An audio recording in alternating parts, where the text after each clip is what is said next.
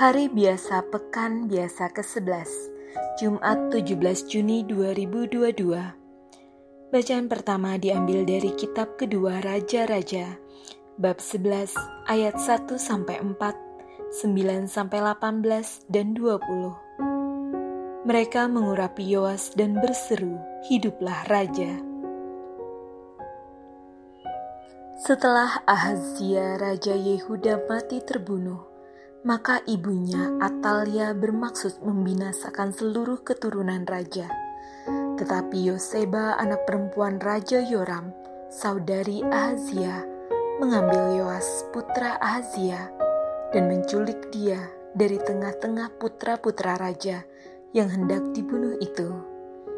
Yoas dimasukkannya bersama inang penyusunya ke dalam gudang tempat tidur dan disembunyikannya terhadap Atalia sehingga tidak ikut dibunuh. Maka tinggallah ia enam tahun lamanya bersama inang penyusunya dengan bersembunyi di rumah Tuhan, sementara Atalia memerintah negeri. Pada tahun yang ketujuh, Yoyada kepala para imam di Yerusalem mengundang para kepala pasukan seratus dari orang kari dan dari pasukan bentara mereka disuruhnya datang kepadanya di rumah Tuhan. Ia mengikat perjanjian dengan mereka dengan menyuruh mereka bersumpah di rumah Tuhan. Kemudian diperlihatkannya putra raja itu kepada mereka. Para kepala pasukan itu melakukan tepat seperti yang diperintahkan Imam Yoyada. Masing-masing mengambil orang-orangnya yang selesai bertugas pada hari Sabat bersama sama dengan orang-orang yang masuk bertugas pada hari itu. Lalu datanglah mereka kepada Imam Yoyada. Kepada para kepala pasukan itu, Yoyada memberikan tombak dan perisai-perisai kepunyaan Raja Daud yang ada di rumah Tuhan. Kemudian para bentara masing-masing dengan senjata di tangan mengambil tempatnya di lambung kanan dan kiri rumah itu dengan mengelilingi mesbah dan rumah itu untuk melindungi raja. Sesudah itu Yoyada membawa putra raja itu keluar, mengenakan jejamang padanya, dan memberikan hukum Allah kepadanya. Mereka menobatkan dia menjadi raja, serta mengurapinya, dan sambil bertepuk tangan, berserulah mereka, Hiduplah Raja!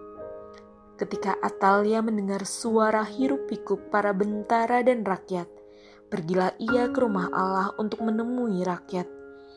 Lalu dilihatnya raja berdiri dekat tiang menurut kebiasaan, sedang para pemimpin dengan para pemegang nafiri berada dekat raja. Dan seluruh rakyat negeri bersukaria sambil meniup nafiri. Maka Atalia mengoyakkan pakaiannya sambil berseru, Hianat, hianat.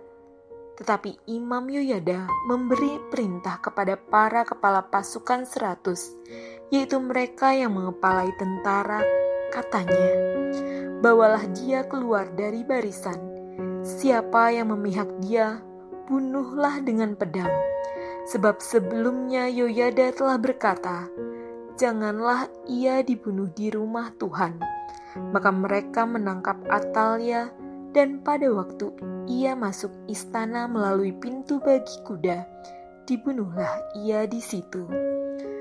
Kemudian Yoyada mengikat perjanjian antara Tuhan dengan raja dan rakyat, bahwa mereka menjadi umat Tuhan, juga antara raja dan rakyat.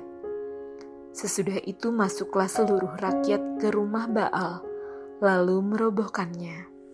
Mereka menghancurkan mesbah-mesbah dan patung-patung, serta membunuh Matan, imam Baal, di depan mesbah-mesbah itu.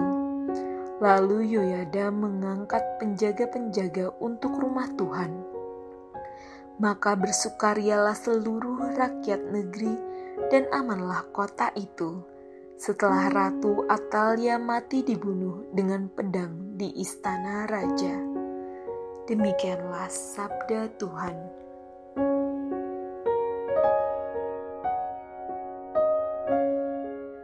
Bacaan Injil diambil dari Injil Matius bab 6 ayat 19 sampai dengan 23. Di mana hartamu berada, di situ pula hatimu.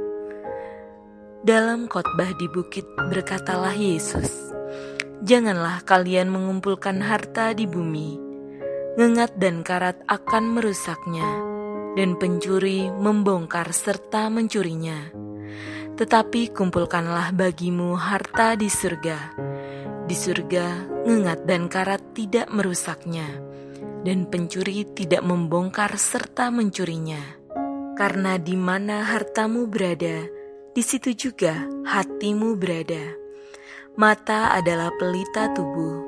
Jika matamu baik, teranglah seluruh tubuhmu.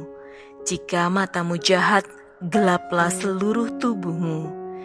Jadi, jika terang yang ada padamu gelap, betapa gelapnya kegelapan itu.